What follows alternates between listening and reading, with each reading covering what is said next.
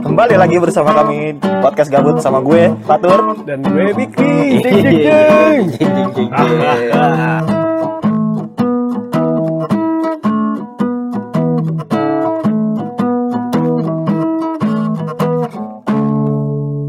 Ya, sama Ahyar Saputra Kembali lagi di podcast gabut. Kali ini kita di dalam konten ini kita berkolaborasi dengan Pita Hitam. yo iya Dan buat yang belum tahu Pita Hitam itu Eh, gue Ian dari Pita Hitam Record selaku mandor dan selaku pemilik dan selaku orang yang satu-satunya orang yang ada di situ kayaknya gue tuh. oh semuanya dia semuanya lu ya. jadi kalau perusahaan tuh CEO nya dia karyawannya dia OB-nya dia. Semuanya gue. Anjing. Eh boleh ngomong anjing ya? Boleh, Oh, boleh. boleh. Bebas, bebas. bebas. Ngerokok boleh ngerokok. boleh, Boleh. kan nggak kelihatan bang Oh iya. Pita Hitam itu adalah sebuah record label ya, Bre? Eh, Pita Hitam Record. Oh. Eh, Iya bisa dibilang eh, record label lah. Record label basement from South Jakarta. Do it fucking yourself. Pada itu kurang lebih seperti itu ya. pokoknya underground banget Indie ya. nah, Pita Hitam sendiri tuh sebenarnya apa sih, Bre? Pita Hitam itu adalah sebuah pengarsipan musik di dalam format kaset yang gue bangun sejak 2012. Yang pada sebenarnya gue cuma sebagai pendokumentasian musik kali ya, bukan sebagai record label gitu. Karena gue fokusnya ngerilis kaset aja sih sebenarnya kayak gitu. Oh, berarti kayak misalnya ada band indie terus ngasih materi ke lu, Iya betul. baru lu buat kasetnya. Enggak semua band yang da- yang email ke Pita Hitam itu gue bakal liris juga sih sebenarnya. Tapi ada yang gue selek, gue lebih mengkurasi atau menselektif gitu. Eh, jadi kalau gue dengerin gue suka, ya udah gue sikat untuk gue rilis gitu. Tapi kalau gue nggak suka, bukannya gue sombong atau apa, mungkin belum jodohnya untuk bisa jalan bareng mungkin seperti itu kali ya. Anjing, jodoh. terus yang bikin lo apa ya menggerakkan lo buat bikin kita hitam tuh apa apa lo punya keresahan Enggak romantisme, romantisme romantisme dan memorabilia. Karena gue kenal musik ya dari kaset dulu.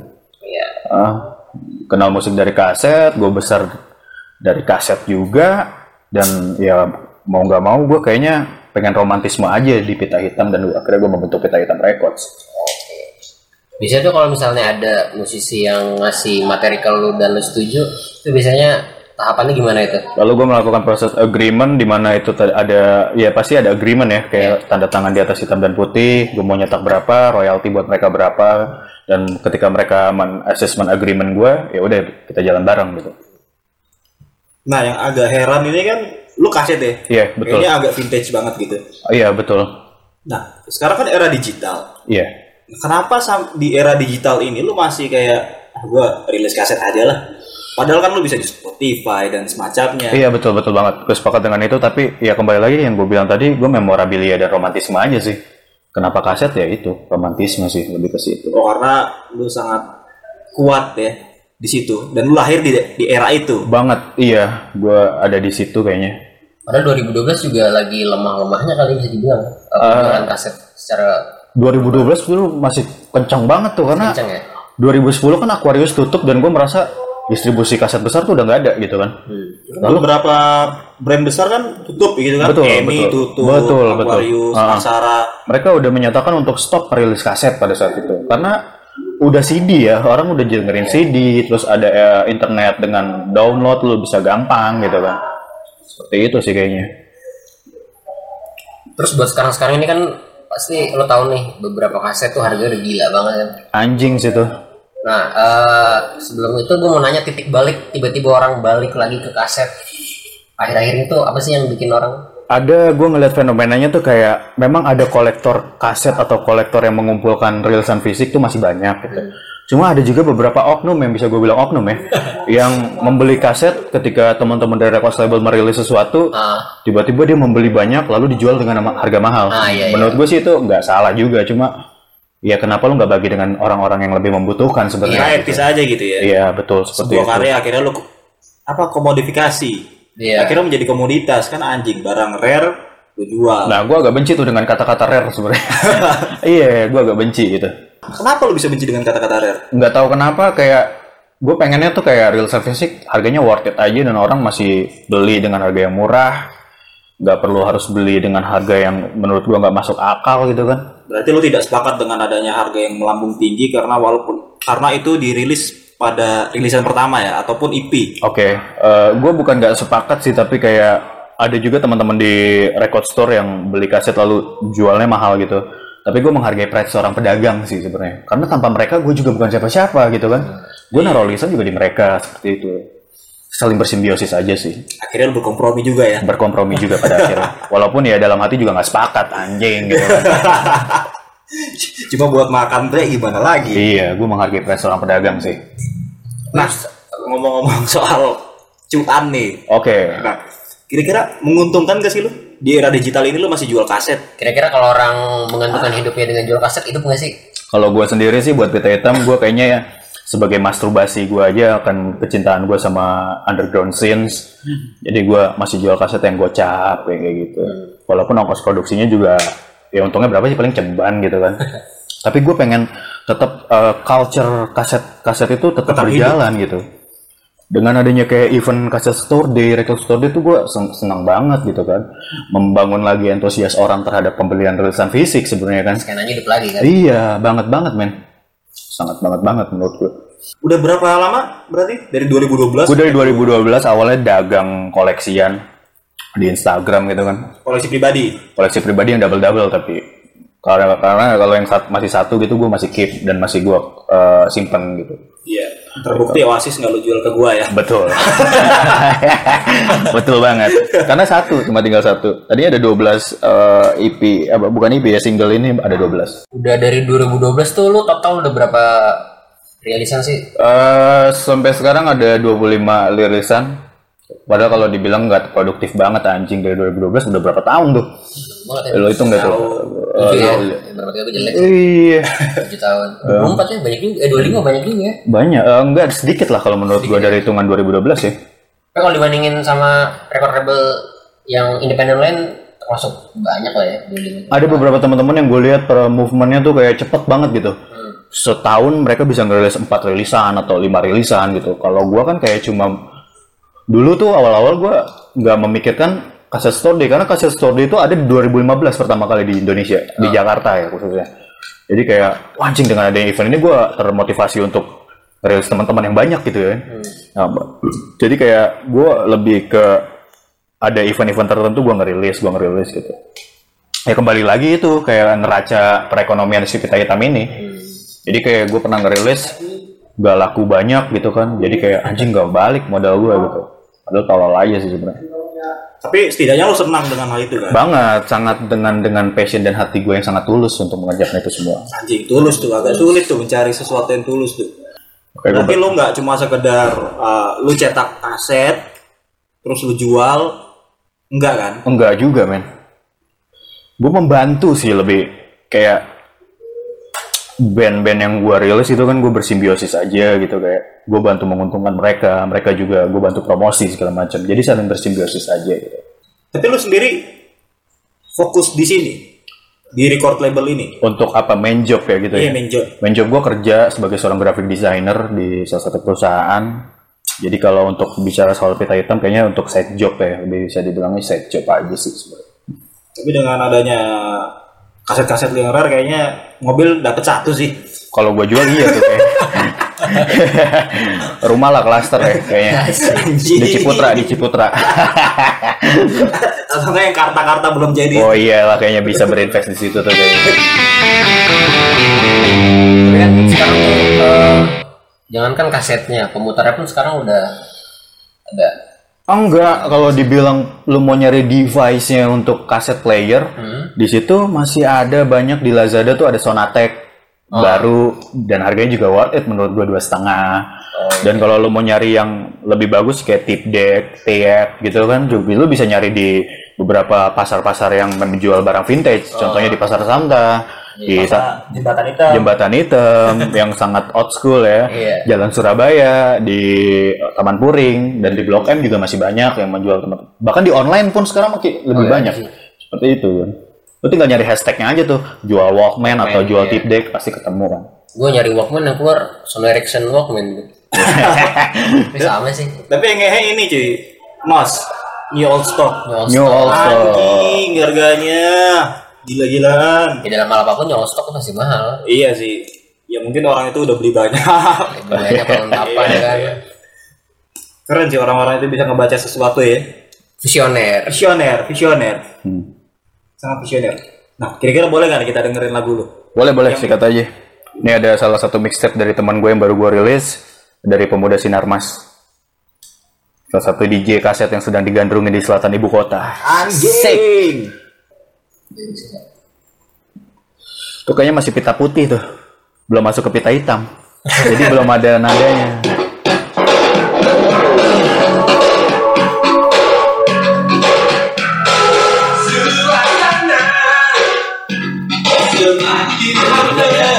gitu. Biar kayak ngobrol.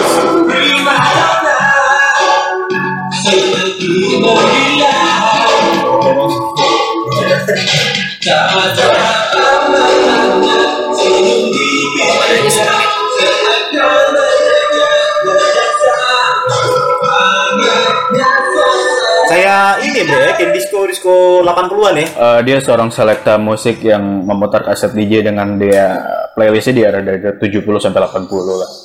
Oh di remix sama doi. Kalau di remix dia kayak dikurasi lalu diputar untuk saat dia bermain di show-nya seperti itu. Ini lagu-lagu lama nih lagi lagi banyak hasil keluar lagi kayak dari suara disco ya kan. Oh iya banyak banget, iya benar benar. Terus juga sekarang penampilan band-band tuh kayak Elemen-elemen Ekes-ekesnya lagi. elemen-elemen vintage kembali lagi lah. Ah, ya, itu gue merasa kayak keren lagi sih sebenarnya. Ah. Terkadang tuh kalau gua nyalain Walkman gua pagi-pagi anjing. Gua merasa kayak lagi di tahun 2005-an, 2007. Sekarang yang gue tanya ke lo, apa yang membedakan lo ketika lo mendengarkan rilisan fisik, contohnya kaset misalnya, dan lo mendengarkan eh, digital platform music gitu, Eh, except kayak eh, Spotify, iTunes, or Deezer, or something gitu kan? Apa yang membedakan lo? Buat gua pribadi, Iya, kalau rilisan fisik sampai hari ini uh, gua kaset yang gua dengerin. kenapa? Desisannya itu cuy. Asli, kan? Asli orgasmnya anjing, Ada dapat banget. sesuatu yang berbeda. gitu. mendem-mendem syahdu gitu ya kan. Iya, Asli. Kalau mendem lo bersihin headnya gitu kan? Oh. Ah. Tuh, abangnya tahu tuh. Ah. Berarti itu harus Iya. dibersihin biar Maksud gue banyak banget yang mendem, Bre. Iya.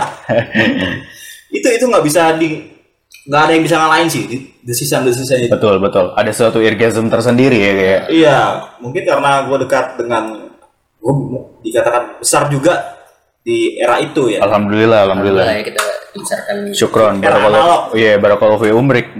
Anjing. Iya main hablum minanas aja kan. Kayak ya udah gue juga bikin record label kayak hablum minanas aja ketemu teman-teman bisa bantu teman-teman akhirnya kan bersinkronis juga gitu kan. Iya. Terlebih sekarang indie tuh lagi naik-naiknya ya. Eh, dalam konsep apa nih konteks yang mana nih? Naik naiknya gimana menurut lo? Musik sih. Musik oke. Jadi beberapa orang tuh kayak eh ya beberapa ada yang kayak suka indie cuman buat biar kayak keren gitu. Gue kayak anti mainstream gitu kan. Sekarang ini Eh, sebenarnya fenomena itu dari dulu sih. hmm.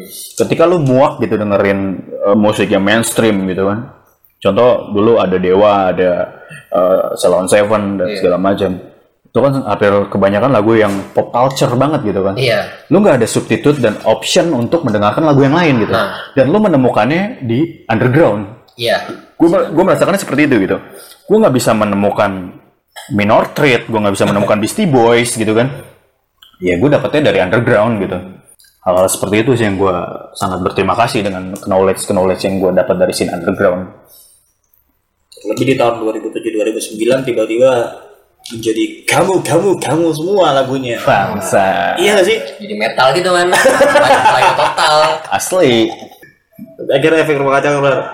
Lagu cinta melulu. Iya kan anjing. gitu kan. tapi dia udah in- indie pada saat itu kan Ini ya.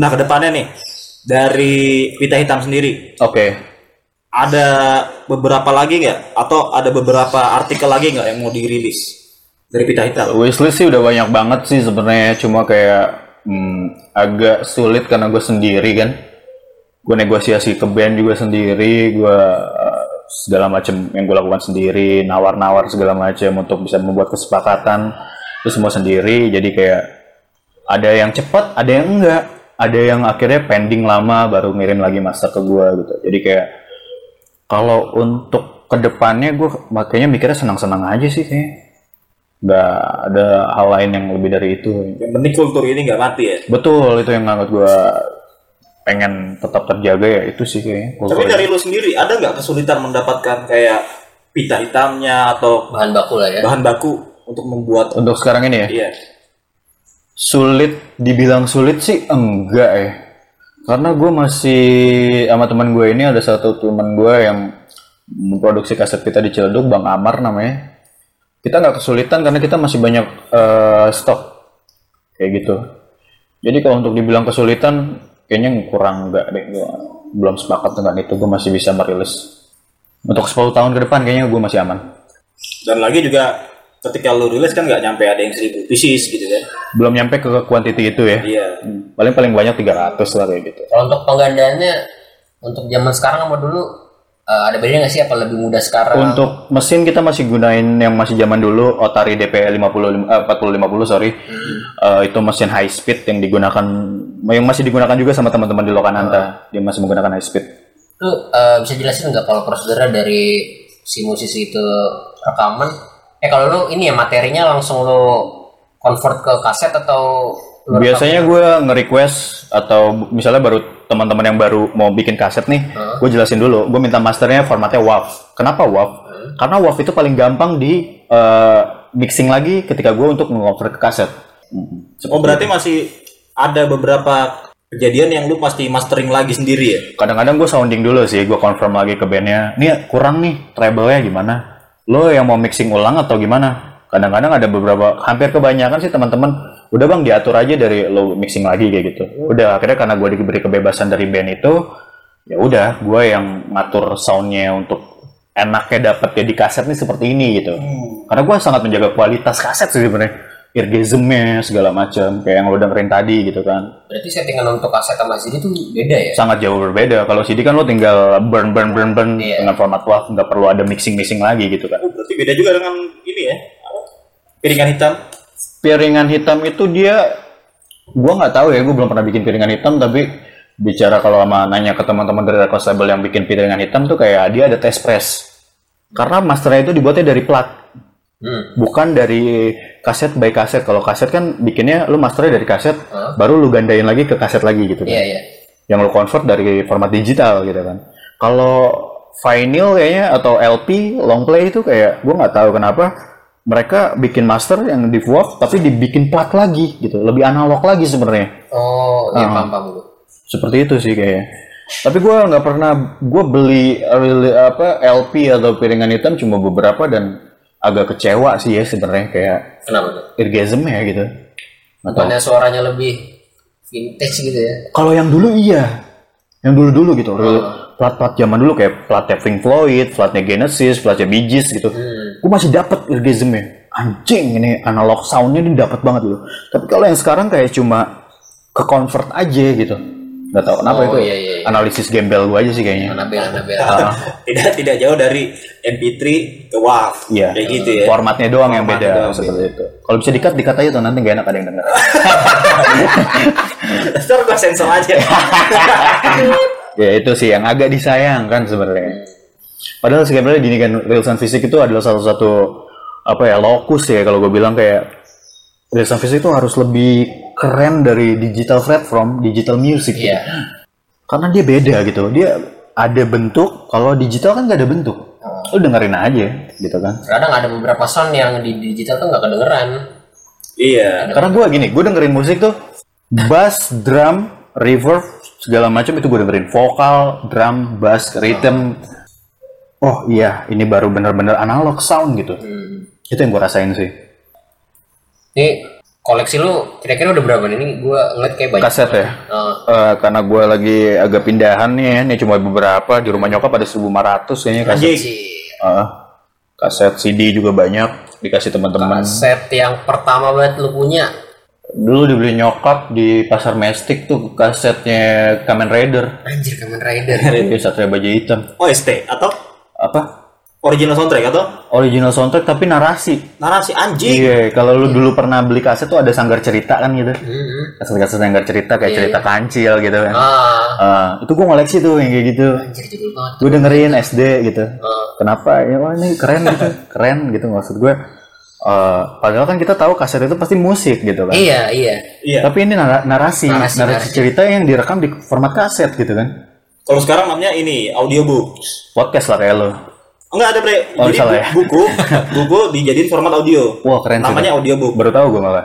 udah lama juga sih Oh. keluar tapi Cuma emang memang agak bikin ngantuk sih Agak bikin ngantuk ya. naratornya datar gitu suaranya Oh, nggak kayak menggebu-gebu kalau dulu emang kebanyakan sih apa apa tuh format audio audio kan Betul, betul. bahkan dulu nonton pertandingan sepak bola aja itu di radio cuy asli Diceritain. dengerin dong Padahal dengerin lu dong kagak tahu golnya apa enggak kan. iya Dan, tapi rame itu. komentatornya tuh apa sih kayak kayak lu baca novel gitu Iya. semuanya tuh dijelasin gitu asli sampai dia mau buang bola aja dijelasin gitu. dijelasin semua jadi eh, theater of mind-nya ada gitu Banget men, itu theater of man gue nah percaya jadi banget. kita udah bisa ngebayangin apa yang terjadi udah cuman dari Cuma narasi aja Iya. gitu kan.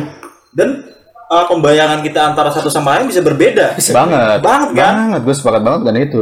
dan itu gila sangat ini sih sangat mengolah otak lu untuk berpikir keras Iya, gitu kan. mind mapping lu tuh Iya, jalan gitu kan. jalan jadinya. Kayak lagu ya Black Sabbath tuh mind mapping ya. kan.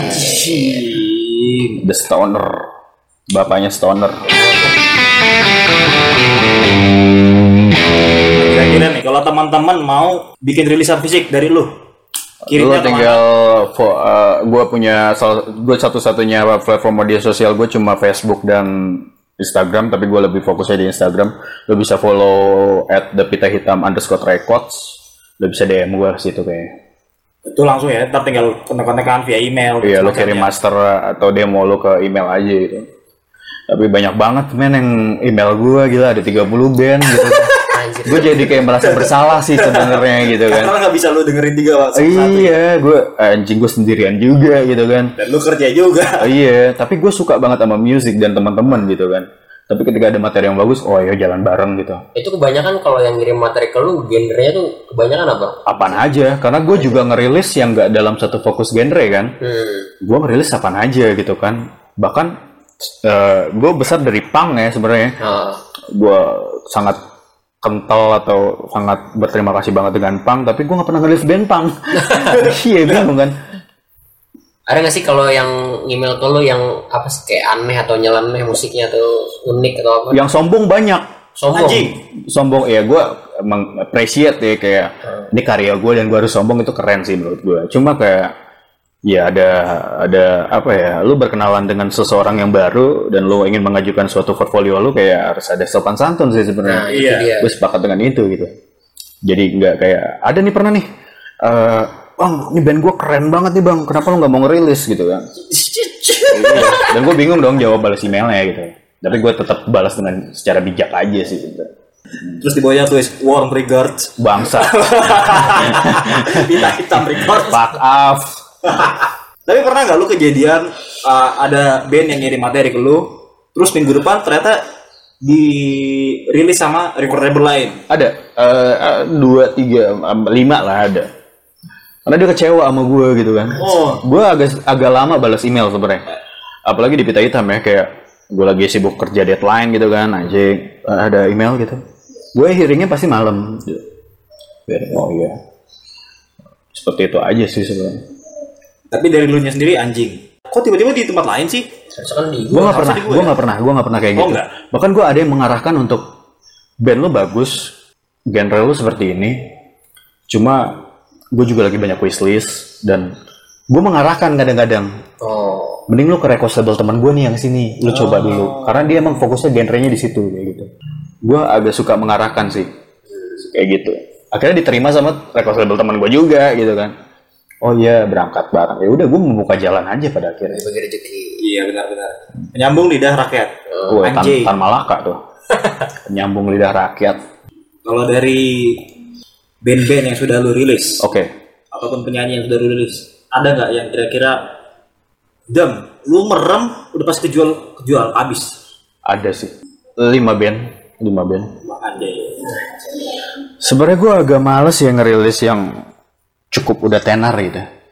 Gak tahu kenapa gue kayak nggak ada tantangan untuk gue mempromosikan mereka ngerti nggak maksud gue Iya, kayaknya udah ah gue dia, merem juga. dia, dia udah punya fanbase yang besar Iya. jadi gue kayak ngerilis dia udah pertama. ya udah Mereka gue udah udah punya tahu pasarnya pasti sendiri. laku gitu kan cuma gue lebih suka sebenarnya merilis band yang gue suka gue hearing dengan sound music mereka gitu dan gue mempromosikan secara berdarah-darah nih Ya. biar dia terkenal gue lebih suka kayak gitu Dan lu ingin semua orang mendengarkan gitu kan. betul banget itu Karena promosi gitu. ini camp- tuh sebenarnya bagus. Coba lu dengerin deh. Iya, itu campaign dari Pita Hitam banget. Gue suka yang ngeblas band baru, terus dia nggak terkenal nih, tapi dia punya kualitas musik yang bagus gitu. Gue suka untuk ngeblas ngeblasnya gitu. Gue bikinin konten segala macem, gue bikinin visual-visual yang bagus gitu untuk. Nah ini yang ngebedain memperkenalkan kalau masyarakat. gue liat yang ngebedain dari record lain nih visualnya sih kalau lu lihat IG-nya nih Di pita hitam Iya. ya. nah, itu Oh. paling eye catching sih kalau menurut gue Ya alhamdulillah gue besar di graphic designer dan gue suka banget sama seni rupa gitu. Kalau lu baca zin gue yang ini, gue selalu berterima kasih dengan seni rupa ya. Kenapa ya? Karena gue besar di seni rupa. Gitu. Ah, gue berangkat dari Zain. Gue tahu media informasi musik di era 90-an tuh kayak nggak ada internet. Ya lu dapetnya dari apa sih? dari Zain kan? Iya. Iya kayak dulu gue dapet eh, dari teman-teman di Bandung Zinnya Ucok Homicide membakar batas gitu. Oh gue berterima kasih dengan itu karena dia nge-review musik-musik yang emang dia suka gitu kan. Nah, gue pengen nge-review musik kayak gue nge-review Divisi Explorer teman-teman dari Bandung, Angkatan Udara ada salah satu band hip hop di Jakarta yang underground banget gitu kan. Seperti Pernah itu. nggak lu dapet uh, orderan uh, dari musik lu nggak se- lu nggak sefrekuen- frekuensi dengan musiknya? Oke. Tapi ya udahlah, Bukan rilis genre aja lu gitu ya? Iya, bukan genre lu banget. Eh, belum pernah sih sampai saat ini. Belum pernah ya. Oh. Karena gue suka aja kalau gue suka pasti gue rilis gitu. Jadi lu mengandalkan intuisi ya? Banget. Raisa banget. Eh, iya. Intuisi. Gue bersepakat dengan intuisi. Iya. iya. Iya. gue kerja gue apapun yang gue lakukan untuk mem- me- apa, mencari solusi dalam hidup gue kayaknya gue pakai intuisi banget tuh Ini salah satu yang ini kan gue lagi baca mixnya apa magazine-nya nih. oke zin zin fan zin fan zin bukan magazine ya. Ah. Eh, kalau orang dulu tuh demen banget gitu kayak nge-review kalau ada album atau ada apa lagu gitu kan. Iya. Lagu baru. lu juga dong review dong di podcast lu Anjay. review musik Kan men kebanyakan orang kalau band eh misalnya- review musik itu salah satu tribut untuk lu su- support ke local movement lu Nah kayak gitu. iya. Orang sekarang tuh kebanyakan kayak misalnya ini ngeluarin album, ya Ah. di komen gitu kan, nah ini albumnya nggak kayak dulu, Hmm. nggak nggak ngepang kayak dulu lagi, oke atau ah kok sekarang jadi ngepop gini sih? Nah, Oke. gitu. Kayak misalnya kayak Oke.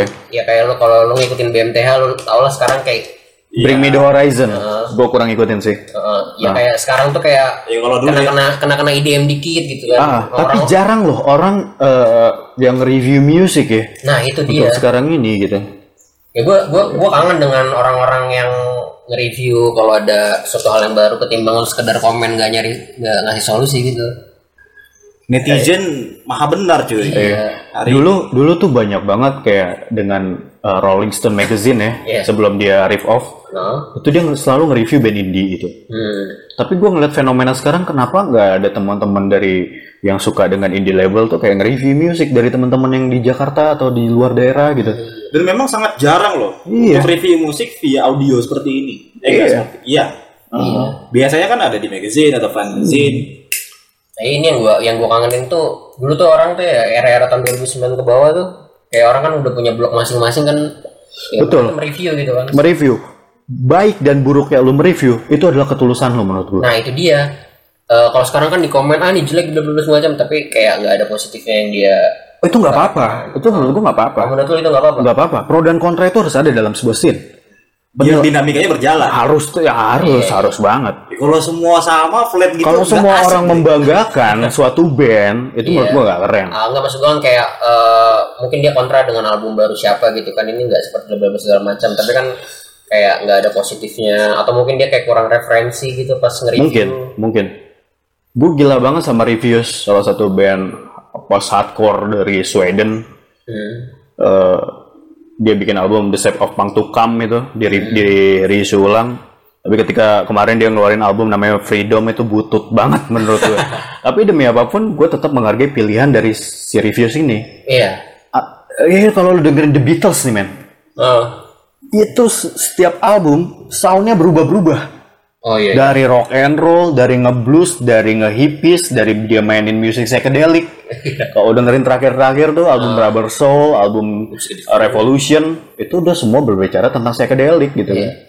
Gak mungkin lu menemukan lagu Lucy in the Sky on the Diamonds itu kan. Iya. Gak jauh dari album yang pertama antologinya The Beatles gitu kan. Nah, gue sih berharap kalau orang komentar dengan sebuah album atau kan dia punya referensi Harusnya, lu harus punya kekuatan yang itu sih, knowledge ya. setidaknya lu tahu sejarahnya Insight lu juga harus cukup luas sih. makanya kan sekarang informasi itu lebih gampang didapetin sih Banget. tapi malah orang-orang memilih untuk berkomentar dulu baru karena gini Pelajarin mung- kan. mungkin ya kebanyakan orang tuh lebih banyak baca headline dan itu Ketimbang- dijadikan substansi buat dia padahal substansinya ada di isi tulisannya nah Betul. itu dia dan banyak orang yang so tahu sih pada akhirnya nah itu Nah. dia itu bete sih baru baca judul aja kayak udah ya apa udah nih tahu. Iya. karena emang juga artikel sekarang tuh yang paling gue suka apa clickbait nah itu yang gue bangsat nah abis makan abis makan bakso ketabrak padahal mah enggak dia lagi abis makan bakso jalan Emang iya ketabrak Ya banyak sih yang clickbait tuh akhirnya ya orang sekarang kan makin jangankan baca artikel, baca caption aja kadang malah sampai kelar. Nah, akhirnya ya memunculkan orang-orang yang so tau gitu tadi. asli mungkin gitu dulu aja kali ya dari episode kali ini ya boleh boleh Nih bakal berlanjut nih ke part 2 nih. Pantengin Anjay. aja. manjang lah pokoknya Anjay, pokoknya, Anjay. pokoknya episode banyak yang tersanjung.